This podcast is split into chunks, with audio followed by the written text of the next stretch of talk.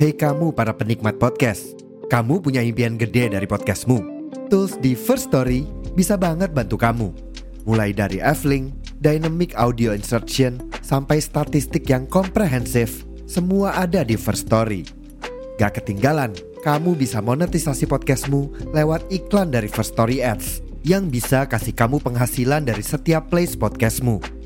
Yuk gabung sekarang dengan klik di firststory.me. Sekali lagi, di firststory.me. Mari kita bawa mimpi podcastingmu menjadi kenyataan.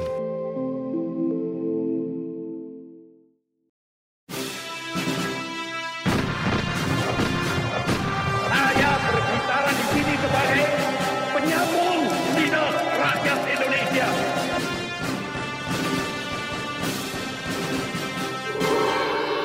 Hai, terima kasih sudah memilih mendengarkan kami, Poseidon, podcast yang bikin kalian gagal move on. Halo dan selamat datang di konten paling random podcast dari Indonesia di luar kelas. Tempatnya secara jelas bersama saya Kananta. Politik, politik, politik. Belakangan ini isinya cuma berita politik ya. Tapi wajar ya, tahun depan kan memang akan ada pemilu, pesta demokrasi rakyat Indonesia ya. Walaupun jalanan-jalanan tuh jadi rame ya, penuh dengan bendera, penuh dengan baliho di tiap perempatan gitu. Tapi nggak apa-apa ya, semua itu kan demi masa depan bangsa, demi masa depan negara. Percayalah ya, karena kain warna-warni dan MMT gambar muka itu memang adalah cara terbaik gitu untuk merubah nasib masyarakat Indonesia. Ngomong-ngomong soal politik, saya tuh tiba-tiba kepikiran ya pengen bahas tentang praktik politik dinasti. Nggak tahu ya dari mana tiba-tiba kepikiran aja gitu. Di Indonesia kan nggak pernah ada kan ya kayak gitu. Nggak pernah dong di Indonesia kan politiknya bersih ya seperti kondisi sungai gitu terus kayak kondisi kualitas udara kita ya sangat bersih sekali kalau menurut Mahkamah Konstitusi Republik Indonesia ya saya ngutip dari websitenya ini tuh pengertian politik dinasti adalah ketika kekuasaan politik ini tuh dijalankan oleh sekelompok orang yang masih terkait dalam hubungan keluarga Dinasti politik itu lebih identik sama kerajaan sebab kekuasaan akan diwariskan secara turun-temurun dari ayah kepada anak. agar kekuasaan akan tetap berada di lingkaran keluarga. Wow, Bukan saya loh yang ngomong ya ini dari websitenya Mahkamah Konstitusi ya sekali lagi. Mantap Mahkamah Konstitusi. Sayangnya kerjanya kurang konsisten. Aduh. Maksudnya websitenya bukan Mahkamah Konstitusi, websitenya. Ini websitenya tadi saya ngecek memang tulisannya tuh masih banyak yang tipe jadi kurang konsisten gitu benar. Kalau tadi ada politik dinasti, sekarang mari kita bahas tentang dinasti politik ya itu beda. Kalau ini yang real ya, ini yang memang berlaku di kerajaan-kerajaan dulu atau namanya tuh sistem monarki ya. Dan gak afdol rasanya kalau nggak ngebahas tentang sebuah dinasti politik ini tuh yang sangat terkenal di Eropa dulunya. Sebuah dinasti politik yang menguasai daerah Eropa selama lebih dari setengah milenia dan memberikan berbagai dampak luar biasa pada dunia. Dinasti apakah itu? Sebesar apakah pengaruh mereka? Apakah ada hubungannya sama dinasti warrior? Mari kita bahas dari awal. Siapa di sini yang nggak tahu sama sistem monarki? Atau gampangnya sistem kerajaan ya? Jenis pemerintahan ini dulunya kan memang mendominasi dunia ya. Sebelum akhirnya muncul konsep-konsep pemerintahan dan konsep negara yang lebih modern gitu, yang lebih mengutamakan eh, demokrasi, lebih mengutamakan kepentingan dan kemaslahatan rakyat banyak ya. Tapi bukan berarti keluarga kerajaan itu kemudian kehilangan power ya. Di dunia modern ini contohnya itu juga masih banyak ya negara-negara yang eh, masih melibatkan keluarga kerajaan gitu dalam pemerintahannya. Di dekat kita misal di ada negara Malaysia, terus ada Brunei Darussalam, terus Thailand juga gitu yang lebih jauh lagi itu ada Wangsa Saud ya atau Bani Saud yang menguasai secara penuh negara Arab Saudi. Terus kayak yang di Eropa itu yang terkenal itu adalah royal family-nya Inggris ya yang acara nikahan, acara pemakaman aja sampai punya slot TV sendiri ya di TV nasional kita. Ya memang kalau kita ngomongin tentang kerajaan, pasti pikiran kita juga nggak jauh-jauh ya sama konsep-konsep kerajaan yang ada di Eropa. Karena media yang kita konsumsi selama ini tuh juga rata-rata inspirasinya dari sana ya. Kayak kastil, terus ada kesatria berkuda yang lawan naga, terus juga ada putri-putri kerajaannya yang gaunnya panjang-panjang gitu. Eh, itu semua kan datangnya dari budaya kerajaan Eropa di masa lalu. Kecuali yang naga tadi, yang naga itu mitos, mitos itu bukan budaya. Gak cuma hal-hal baiknya aja hal-hal buruknya itu juga akhirnya kita tahu ya kayak budaya buruknya mereka dulu. Misal kayak betapa joroknya mereka yang mereka nggak punya konsep mandi kayak kita sekarang.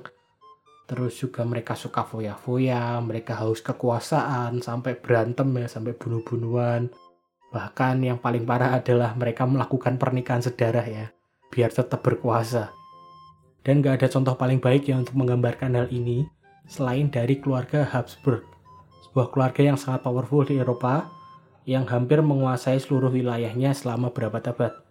Dinasti Habsburg ini tuh adalah sebuah royal family atau sebuah keluarga bangsawan ya, yang berasal dari wilayah sekitar Austria dan memegang kekuasaan di berbagai tingkatan mulai dari tahun 1273 sampai akhir Perang Dunia Pertama ya tahun 1918 atau sekitar uh, eh, 645 tahun ya.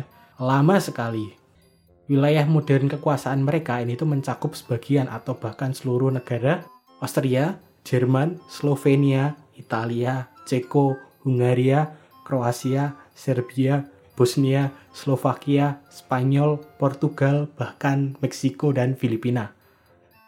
Tapi kali ini kita nggak akan bahas sejarah mereka secara keseluruhan ya, karena terlalu rumit dan terlalu panjang. Saya yakin kalian bakal bosen dan bingung ya dengerinnya. Jangankan kalian, saya aja yang jelasin nanti bakal bingung dan bosan sendiri. Jadi lebih baik kita singkat saja ya, kita bahas yang penting-penting saja, yang kira-kira tuh bisa jadi bahan pelajaran kita gitu, dan jadi bahan introspeksi kita buat masa depan. Keluarga Habsburg ini dipercaya dimulai oleh seorang dengan nama Guntram Rich ya, yang merupakan seorang bangsawan dengan gelar Count di wilayah perbatasan Jerman sama Austria sekarang. Dia tuh diperkirakan hidup pada abad ke-10.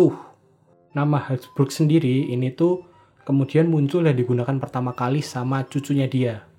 Namanya adalah Redbird of Klitgau ya, yang mendirikan Kastil Habsburg, buah benteng yang sampai sekarang tuh masih bisa kalian kunjungi.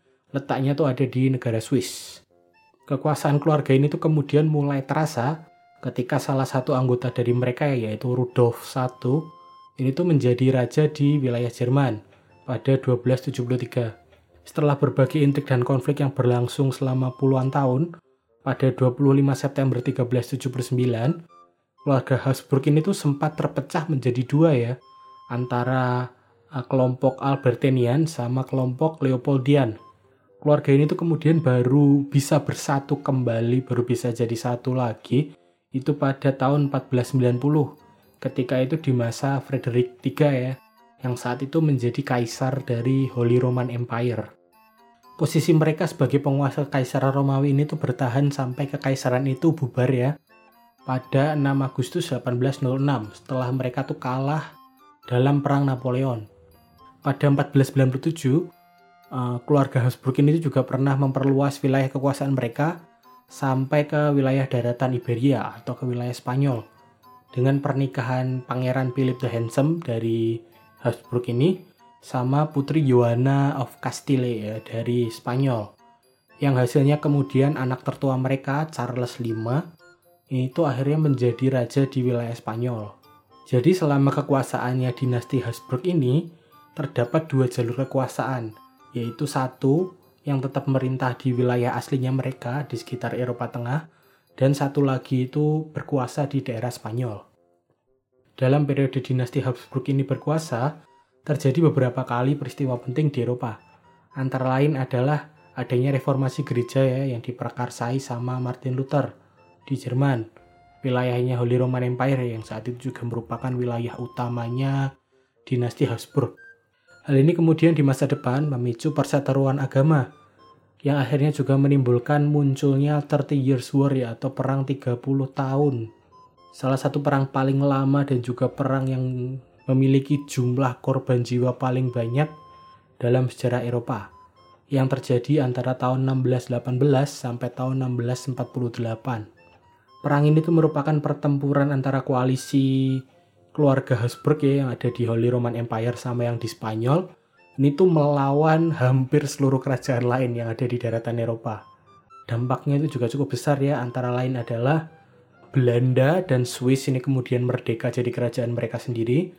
Terus kemudian Prancis ini berubah jadi kekuatan yang sangat besar di wilayah Eropa. Dan juga Swedia ini berubah jadi penguasa di wilayah Eropa Utara ya. Kemudian yang paling parah adalah hal ini menyebabkan kemunduran permanen buat Holy Roman Empire. Walaupun kekuasaan mereka ini punya efek yang sangat besar buat sejarah Eropa, tapi ada satu hal lain yang lebih dikenal ketika membahas tentang keluarga Habsburg ini, yaitu karena mereka ini tuh sangat terkenal dengan praktek inbreeding ya atau pernikahan sedarah. Seperti yang kalian sering lihat atau pernah baca mungkin, banyak bangsawan-bangsawan di masa lalu ini tuh yang sering menikah dalam keluarga mereka sendiri ya, supaya kekuasaannya tuh nggak ke mana-mana keluarga Habsburg ini sering kali melakukan pernikahan sesama sepupu. Jadinya kasihan ya anak-anaknya ya kalau lebaran duitnya sedikit karena kakek neneknya cuma satu pasang. Enggak ya itu saya bercanda ya. Hal ini tuh menyebabkan banyak sekali dari mereka yang meninggal di usia dini. Bahkan nggak sampai 50% yang hidup sampai usia 10 tahun. Efek lainnya adalah banyaknya penyakit bawaan kayak epilepsi atau kejang-kejang dan juga kecenderungan untuk punya penyakit mental.